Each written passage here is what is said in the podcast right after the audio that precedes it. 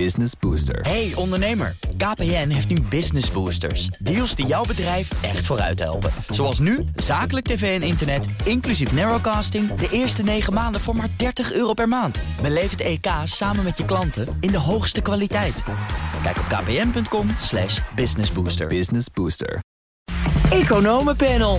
Het CPB voorspelt een toename van de armoede en een achterblijvende koopkracht. En gaat de ECB haar boekje te buiten met het bestrijden van klimaatflatie of niet? Dat en meer bespreek ik in het economenpanel. En daarin zitten Menno Middeldorp, hoofd van Rabo Research... en Edith Moejagic, hoofdeconoom van OHV Vermogensbeheer. Heren, welkom. Hallo.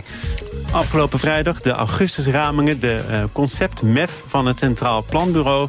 Die kwam toen naar buiten. En traditioneel gebeurt het in augustus als opmaat naar Prinsjesdag. Volgende maand, de derde dinsdag van september. Uh, dan wordt er een beleidsarme begroting gepubliceerd, gepresenteerd door het kabinet. Uh, wat zijn jouw eerste bevindingen na het uh, doorspitten enigszins, Menno, van die ramingen? Nou, van de raming op zichzelf... Uh, ik, zit niet heel ver weg van wat we zelf vinden. Ja, een beetje stagnerende economie. Uh, wij zijn net iets pessimistischer. Um, hebben ook net iets hogere inflatie. Maar ja, het brede beeld uh, is, is niet heel anders. Um, de Nederlandse economie komt een periode uit waar het uh, ja, een beetje aan de randen van de, de productiecapaciteit in zit. Werkloosheid erg laag, hoge inflatie. Um, en het zal het zal wel, na die recessie die we net kennelijk hebben gehad... in de, in de, nieuwe, de nieuwe gereviseerde cijfers van de CBS... kijken of ze de volgende, volgende kwartaal er nog zijn... als ze nog een keer goed naar de cijfers kijken. Maar da, daarna een periode van trage groei is uh, een beetje de consensus, denk ik wel. En dat zie je terug in het CPB. Maar wat natuurlijk, waar we vast over gaan hebben... Uh, is de armoede. Want dat is wat deze, voor deze... Um, de uitdaging die het CPB hiermee neerlegt voor, uh, voor, voor Den Haag. Ja, je mag er uh, nu al iets over zeggen hoor. In ieder geval, ik geef even mee dat uh, de Kamer een motie heeft aangenomen, ook toen het kabinet demissionair werd, dat dat kabinet alles moest doen om toename van de armoede te bestrijden. nu zegt het CPB dat die armoede wel zal toenemen tot zo ongeveer een miljoen mensen in de loop van volgend jaar. En tegelijkertijd zegt dat CPB kabinet let op uh, essentiële begrotingsregels. Ja. Dus als je iets gaat doen, zorg dat je het dekkend doet. Ja, ja en ik, dit is een demissionair kabinet, dus uh, we moeten geen controversiële dingen doen. Uh, nou, dus ik denk dat je kan constateren dat armoedebestrijding niet controversieel is. Het hele, het hele, de hele Kamer wil dat. maar de dekking daarvoor vinden, dat is wel controversieel. Dus mijn voorspelling zou zijn: ze gaan absoluut geld uitgeven om die armoede te bestrijden. En ze gaan pas na de verkiezingen nadenken over hoe ze dat gaan repareren in de begroting. Maar ze gaan het absoluut doen, Edin. We hebben het genoegen gehad elkaar al hier kort over te spreken. Ze gaan het doen. Denk jij dat ook? Ik denk dat het onbestaanbaar is dat een uh, regering van welke signatuur dan ook zegt: uh, daar hebben wij niks mee te maken. Dus ze gaan, ze gaan er zeker iets aan doen. Um, ik verbaas me wel steeds weer over, over het feit dat mensen verbaasd zijn dat de armoede gaat stijgen. Dit is wat je krijgt als inflatie uit de hand loopt. dat, dat is van alle tijden. Inflatie maakt mensen armer. Punt. Ja, maar dat is wat die, heel veel mensen zijn natuurlijk ook de afgelopen jaren op wat voor manier dan ook gecompenseerd. Ja, maar die compensatie kost natuurlijk heel veel geld. Nou hebben wij het geluk dat we in een land wonen dat in, in goede economische jaren prudent economisch beleid, financieel beleid heeft gevoerd. Dus we hadden die ruimte zonder dat het meteen uh, het, het feit dat, dat, dat, dat we die grootschalige steun gaven, dat het ten koste gaat van onze kredietwaardigheid, et cetera. Uh, maar het houdt wel een keer op natuurlijk. Er zijn ook economen, en een van hen is Arnold Boot... die zeggen in 2021, en ik heb er de cijfers... omdat hij het zo vaak zegt maar eens even bijgepakt... leefden er ook heel veel mensen in armoede. 900.000 mensen in 2021. Uh, dat, dat is geen enkele reden om het nu te bagatelliseren... maar zo heel veel groter dan de afgelopen jaren ook de jaren van voor dat aanmodderen, is het probleem niet geworden. Is de aandacht vooral groter geworden? Misschien. Um, in ieder geval, je hebt inderdaad een soort dipje gehad. Um, en dat, dat, waar de armoede daalde en nu weer op terugkomt. Kijk, duidelijk mag zijn dat er een politieke consensus is dat hier iets aan gedaan gaat worden. Uh, dus dan is de vraag van hoe doe je dat? En, en hoe, dek je, hoe, zorg je ervoor dat er de centjes daarvoor zijn? En ja, Eden zei net van.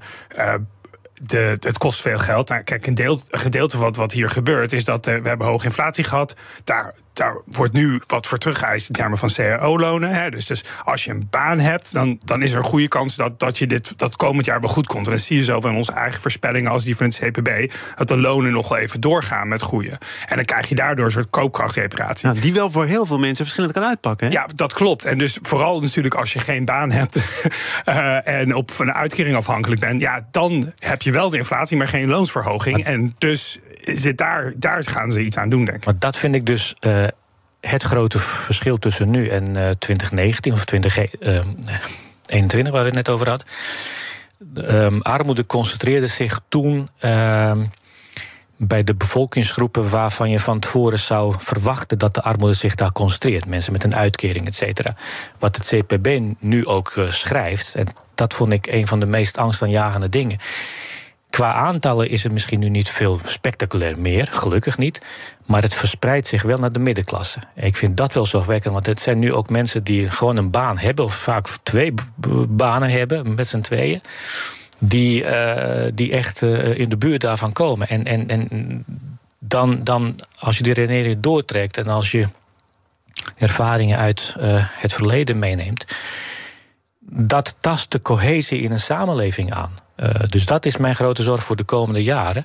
Een middenklasse die onder druk komt, betekent dat, dat er heel veel instabiliteit komt. Maar als jij zegt dat raakt nu de middenklasse, dan, dan is uh, het voorsorteren van het. Uh, CPB heeft bij Nieuwsuur gezegd: uh, denk bijvoorbeeld om dit te bestrijden aan de verhoging van het minimumloon ja. en het verhogen van de bijstand. Uh, dat is toch wat meer gericht op mensen aan de onderkant van het loongebouw dan de middenklasse. Of ja, niet? maar ik denk dat je wel daarmee een effect creëert waar ja. je vanuit de onderkant de lonen omhoog duwt. Dus je geeft vanuit de overheid, zeg maar, ik, ik, ik, ik beschreef net een proces waarbij de, de markt eigenlijk zorgt voor wat loonsverhogingen. De, de overheid kan dat een extra duwtje geven aan zeg maar de, de onderste helft van, van de arbeidsmarkt door, door met die. Uh, loons voor, uh, de, voor die minimumloon omhoog te zetten. En dat, dat werkt ook automatisch door een aantal andere dingen. Um, als we dat niet loskoppelen. Ja, dan koppel je, ja, precies. Ja, maar in principe um, zou het denk ik een, een van de opties zijn die echt wel heel realistisch uh, is. Ik denk dat ze, wij denken zelf bij Rabo Research dat eigenlijk, eigenlijk een beetje aan alle knoppen tegelijkertijd moeten draaien om de nadelen van elke, elke, elke knop heeft een, een specifiek nadeel. Maar als je een beetje diversificeert, zeg maar, net zoals een goede belegger, dan, uh, dan, dan kan je daar een beetje de risico's van de een opvangen door, door ook iets mee te doen met de ander. Maar het kost geld. Uh, bij voorkeur wordt het gedekt. Tenminste, dat is de uitdrukkelijke wens van het Centraal Planbureau. Minister ja. Kaag heeft ook gezegd... we hebben de randen nu wel zo ongeveer verkend met elkaar. Ja. Het zal toch anders moeten? Dat doet ze overigens al. Hè. De vorige keer heeft ook gezegd... we gaan bezuinigen, we gaan de kaasgaaf hanteren. Ja. Kan ze dat nog een keer zo doen? Met uh, kleine beetjes die samen net genoeg opbrengen... om bijvoorbeeld uh, deze extra uitgaven zich te kunnen ja, veroorloven? Of moet het anders? Nou ja...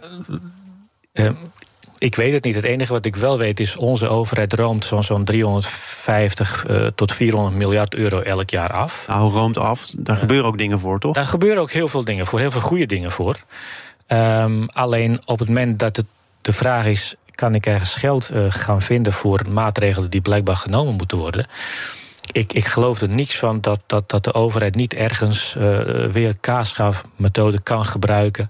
Daarmee een significant bedrag vrijspelen zonder dat het leidt tot gaten in de wegen en minder agenten, et cetera, et cetera. Dus uh, waar een wil is, is een weg, zou ik zeggen. Wat denk jij, hoe zou het moeten gebeuren? Het, uh... Nou, ik denk, ik denk dus dat het niet gaat gebeuren nee, nu. Nee, nee, nee maar, dan, dan wordt het, dan, maar dan wordt het al snel iets voor een volgend kabinet. Ja, nee, dit, dit, dit is, als ik zei dat, die, dat, dat we armoede gaan bestrijden is niet controversieel. De, ja. hoe, hoe we daarvoor gaan betalen is wel controversieel. En het is ook niet zo dat de begroting een acute, um, acuut probleem heeft. Hè. Het is meer een, een, een middellange termijn probleem.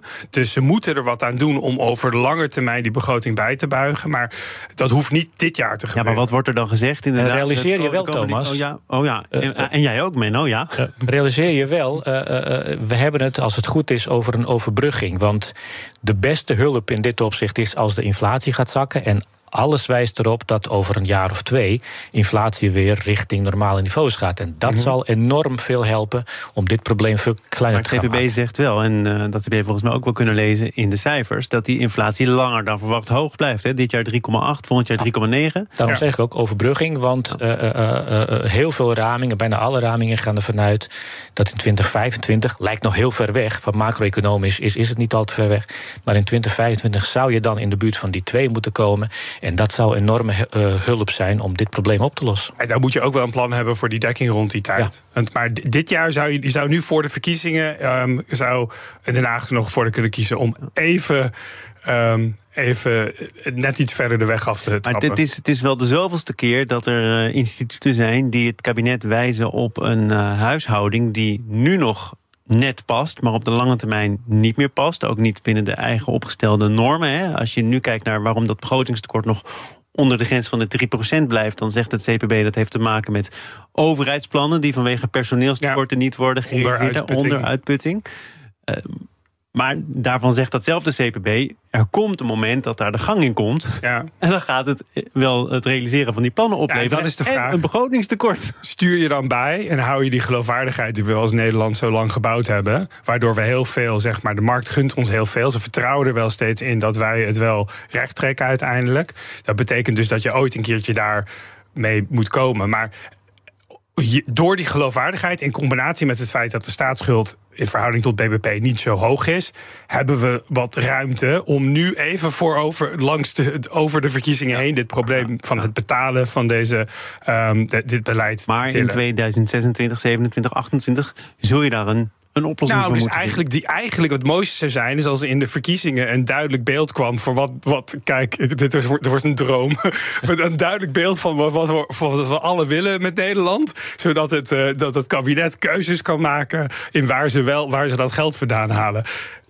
Dat, ik, het wordt lastig, begrijp ik. Maar ja, het is wel, dat is wel de functie van zo'n verkiezingen. Om, om, om de, de mandaat te creëren waar op basis op je de, van deze soort, dit soort moeilijke beslissingen kan nemen. Maar je moet het nu nog doen met uh, de ploeg die er nu zit. Hè, de missionair minister van Economische Zaken, eh, Mickey Adriaanse, heeft al gezegd: nou, lastenverzwaring. Dat is wat mij betreft uit den boze, omdat uh, de lastendruk voor burgers en bedrijven al is toegenomen.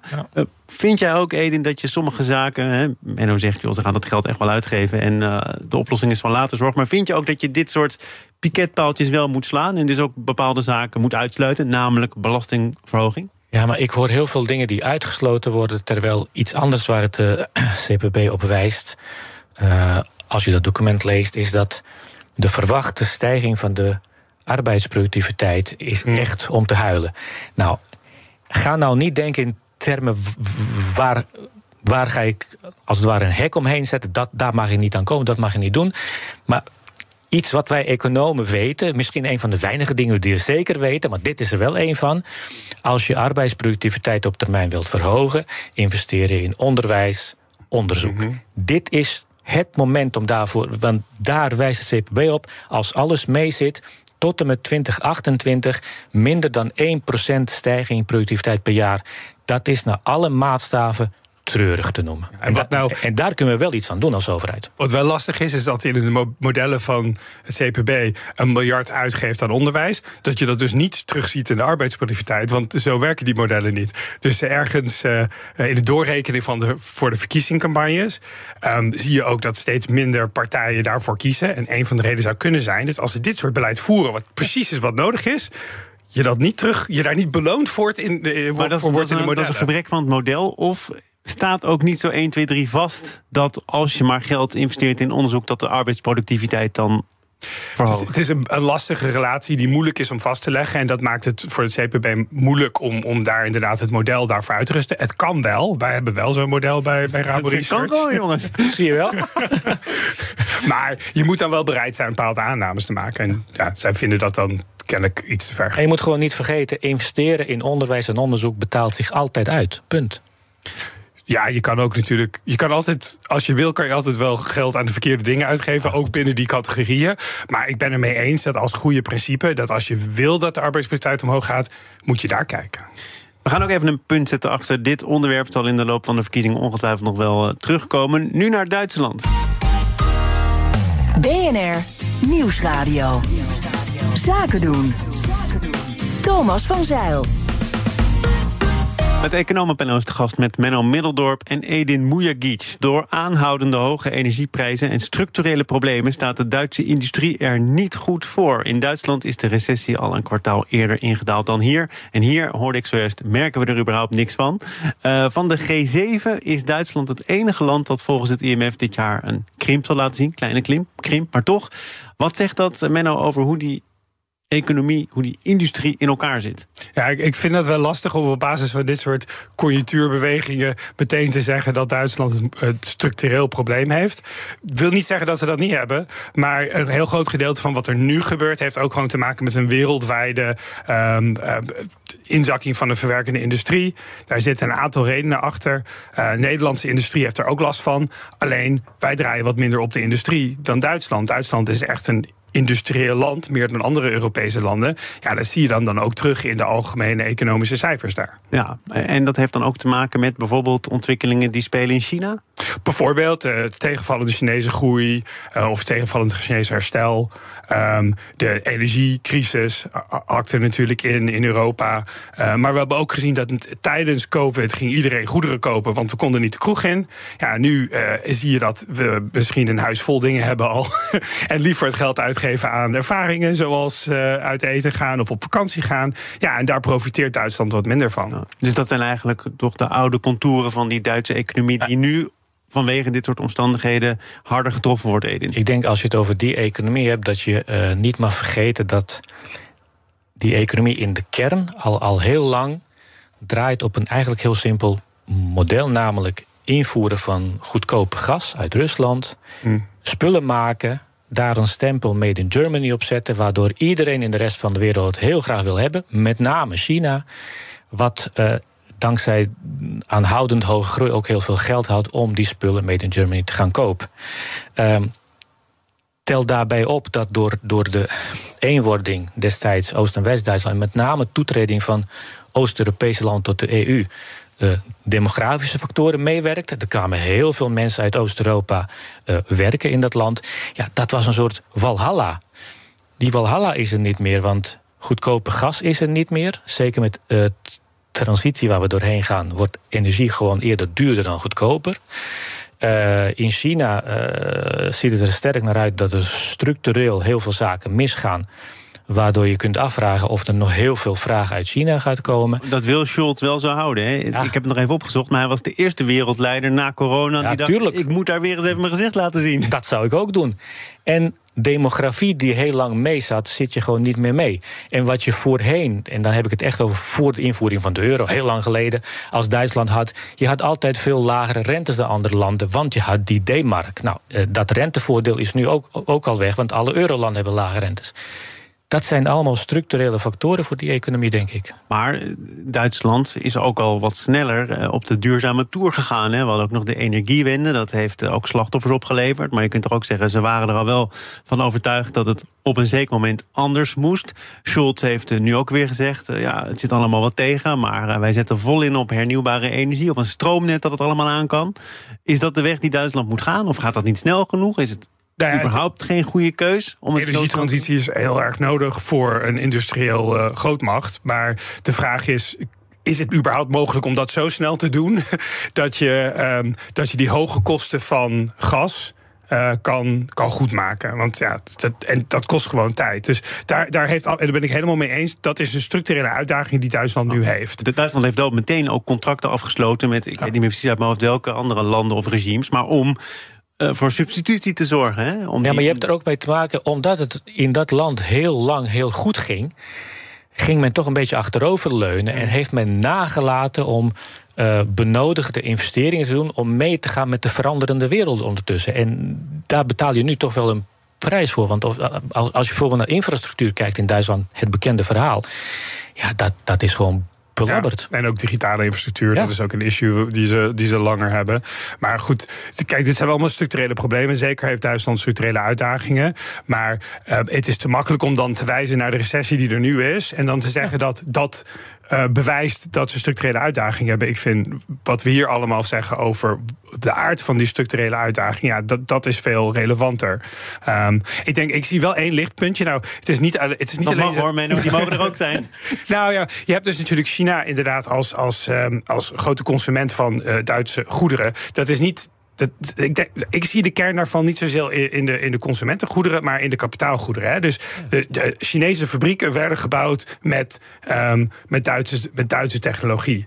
Nu dat er een verschuiving is van fabrieken van China naar andere landen, moeten de fabrieken daar weer opgebouwd worden. En ik denk als, als Duitsland nog steeds die concurrentiepositie kan vasthouden in die hoek, dat dat juist een voordeel zou kunnen zijn voor Duitsland. Dus ik ben benieuwd hoe deze positieve en negatieve dingen met elkaar uitpakken. Maar dat ze de energietransitie uh, uh, goed moeten oppakken, dat, dat blijft heel belangrijk. Over transities gesproken. Als we over lichtpunten hebben, Thomas, toch, toch nog eentje. Toch, ach, Duitsland, nou. Duitsland zat 25 jaar geleden ook in problemen en daar zijn ze wel uitgekomen. Het kan wel.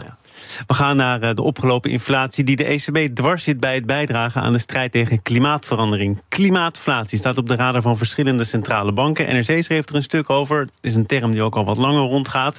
Uh, Edin, om maar vast even de standpunten duidelijk te maken. Uh, moet een centrale bank zich bemoeien met klimaatbeleid? Heel kort antwoord: nee. Menno, moet een centrale bank zich bemoeien met klimaatbeleid? Het moet zeker niet, maar ze willen het kennelijk wel. En de vraag is, kunnen ze dat binnen hun mandaat verrotten? Ah, maar, ja, oké, okay, maar moet een centrale bank dat willen? Nou, zo kan ik hem ook vragen. Ja, ja. Nee, maar ik, ik, ik, denk dat de, ik denk dat de ECB een positieve rol hierin kan spelen. De vraag is of ze daarmee niet op een soort glijende vlak komen. De slippery slope. Waardoor, want als ze dit doen, waarom kunnen ze niet drie andere dingen gaan doen? Um, dan heb je wel, heeft iedereen wel een wensenlijstje van. Nou, omdat je... wij zeggen, wij zijn er wel om uh, prijsstabiliteit ja, na te streven. En, en daarin speelt uh, klimaat een belangrijke factor. Hè. Ze hebben dat geprobeerd vast te pinnen op 0,33 procent vorig ja, jaar. Dat is toch lachwekkend dat, dat, dat, dat, de, ECB, dat de ECB meent uh, tot, tot twee cijfers achter de komma nauwkeurig uit te rekenen. Uh, met hoeveel inflatie vorig jaar hoger is geweest. Want dat impliceert dat ze weten wat inflatie was geweest zonder dat. Ja, dat, dat daar zijn die modellen ontoereikend. Dat weet je gewoon niet. Dus dat, dat is echt lachwekkend. Ja. En bovendien, als de redenering is: klimaatverandering heeft invloed op inflatie down the road. Wat een logische redenering is, kan ik me voorstellen. Maar als dat de redenering is voor. en dus moeten wij met ons beleid daarop gaan zitten. Uh, weet je, economisch beleid, financieel beleid heeft dat ook. Moet de ECB zich ja. ook daarmee uh, bezig gaan ja, houden? Die redenering is inderdaad niet zo dat, dat, spreekt niet zo aan voor deze redenen. Er zijn een heleboel dingen die 0,3% impact op de inflatie heeft, waar de ECB niet op ingrijpt. Ja, ze gaan, maar als je kijkt naar de website en wat ze zeggen over hun eigen klimaatbeleid, ze, ze doen het eigenlijk simpeler. Ze zeggen gewoon van nou. Um, de EU heeft enorm veel groen beleid. Um, wij hebben zolang het onze primaire mandaat van inflatiebestrijding niet in gevaar komt, hebben wij een verplichting om EU-beleid te ondersteunen. En vanuit die hoek redeneren ze dat ze meer kunnen doen met, uh, met klimaat. Maar dat is toch een rare redenering, want uh, als je niet faalt voor je primaire mandaat. Maar daar faal je valikant voor. Nee, er staat niet als je niet faalt voor het primaire mandaat. Er staat als, je, als, het, als het niet het, beleid, het nieuwe beleid dat je erbij doet, niet um, ja. ten koste gaat van ja. je primaire mandaat. Zo kun je er alles onder zetten. Nee, en dat is weer het probleem. Is van, kijk, er is natuurlijk een hele sterke politieke consensus binnen de EU voor klimaatbeleid. Dus waarschijnlijk kunnen ze de politiek wel mee wegkomen om dit te doen. Um, en dat is misschien niet zo voor al die andere vormen van beleid. Dus dat geeft hun een politieke ruimte om hier iets, iets mee te doen. Maar ja, er is natuurlijk heel veel ander beleid die, ineens, die, die een centrale bank ook aan zou kunnen bijdragen. En ECB zegt, uh, ja, dan hadden we bijvoorbeeld kunnen kijken naar ons opkoopprogramma. En dan hadden we dat in plaats van uh, grijs of vuil. Uh, groen en duurzaam moeten maken. Maar ja, in de strijd tegen inflatie wordt er überhaupt niet meer opgekocht. Kortom, de analyse van dat stuk in NRC dat klimaatbeleid van de ECB, al zouden ze het willen, dat komt niet van de grond. Nou, dat is één manier. Ze zouden natuurlijk verder kunnen gaan en voor um, differentiatie kunnen doen in tarieven op basis van hoeveel geld uh, wordt ook nog voor gepleit. Goed, daar wordt ook voor gepleit. Dus daar, dat, is, dat is denk ik wel de interessante discussie. Want dan heb je het echt over van ga ik ander beleid voeren? En hier wordt het ook lastig van je zou het zo kunnen inrichten dat je denkt dat het niet um, de gemiddelde rente in de economie beïnvloedt. Dus dat ze nog steeds monetair beleid kunnen voeren in normale zin. Maar ja, je relatie tussen die rente en wat de economie doet, wordt wel wat, wat ja, complexer. Omdat, stel je voor dat je zet een bepaalde rente en je, het wordt heel succesvol en iedereen gaat lenen voor groene uh, ja, projecten. Dus bijvoorbeeld windmolenparken dus, worden niet meer gebouwd. Weet je wat? De, de rente voor dat soort projecten maken we wat lager. Ja, en wat je wil als centrale bank is dat de gemiddelde rente het juiste niveau zit om de inflatie te sturen. Maar als, als, als opeens iedereen, zeg maar, een, een, um, al banken vooral groen gaan uitlenen, dan is de de facto rente voor de economie dus lager geworden. En dan heb je dus een inflatierisico. Ik heb daar in ieder geval twee grote bezwaren tegen. Eén is als je met rentedifferentiatie gaat werken, dan komt er een punt waarop je echt heel terecht de vraag moet stellen: in hoeverre leven we nog in een vrije markteconomie? Want dan slaan kapitaalmarktrentes blijkbaar uh, echt, echt nergens op. En twee is, op het moment dat je als ECB in dit geval bezig gaat houden met deze dingen en, en, en nog meer dingen die, die ze uh, heel leuk vinden, dan zet je de deur open voor de politiek om het dus ook te gaan hebben over de uh, status van de centrale bank, de mhm. onafhankelijke positie van de centrale bank. En daarmee zet je het meest waardevolle wat je hebt op het spel. Ik gooi de deur dicht. Menno, tenzij het echt heel belangrijk nou, dit is. dat is het standpunt van de Fed, daarom doen ze dat niet. Oké. Menno Middeldorp, hoofd Rabo Research bij Rabobank. En Edin Mujagic, hoofdeconoom van OHV Vermogensbeheer. Dank voor jullie bijdrage aan dit, vond ik zelf, onderhoudende panel. Nou, mooi. Ja, jullie ook? Ja, ik wel. Dit panel is, omdat het zo onderhoudend is, ook terug te beluisteren als podcast. Abonneer je vooral even via je favoriete kanaal of de BNR-app. Zometeen zwengelen we nog maar eens de discussie aan. Staat de cultuur op de Zuidas vrouw in de weg of is die inmiddels aan het veranderen? Business Booster. Hey ondernemer, KPN heeft nu Business Boosters. Deals die jouw bedrijf echt vooruit helpen. Zoals nu, zakelijk tv en internet, inclusief narrowcasting... de eerste 9 maanden voor maar 30 euro per maand. Beleef het EK samen met je klanten in de hoogste kwaliteit.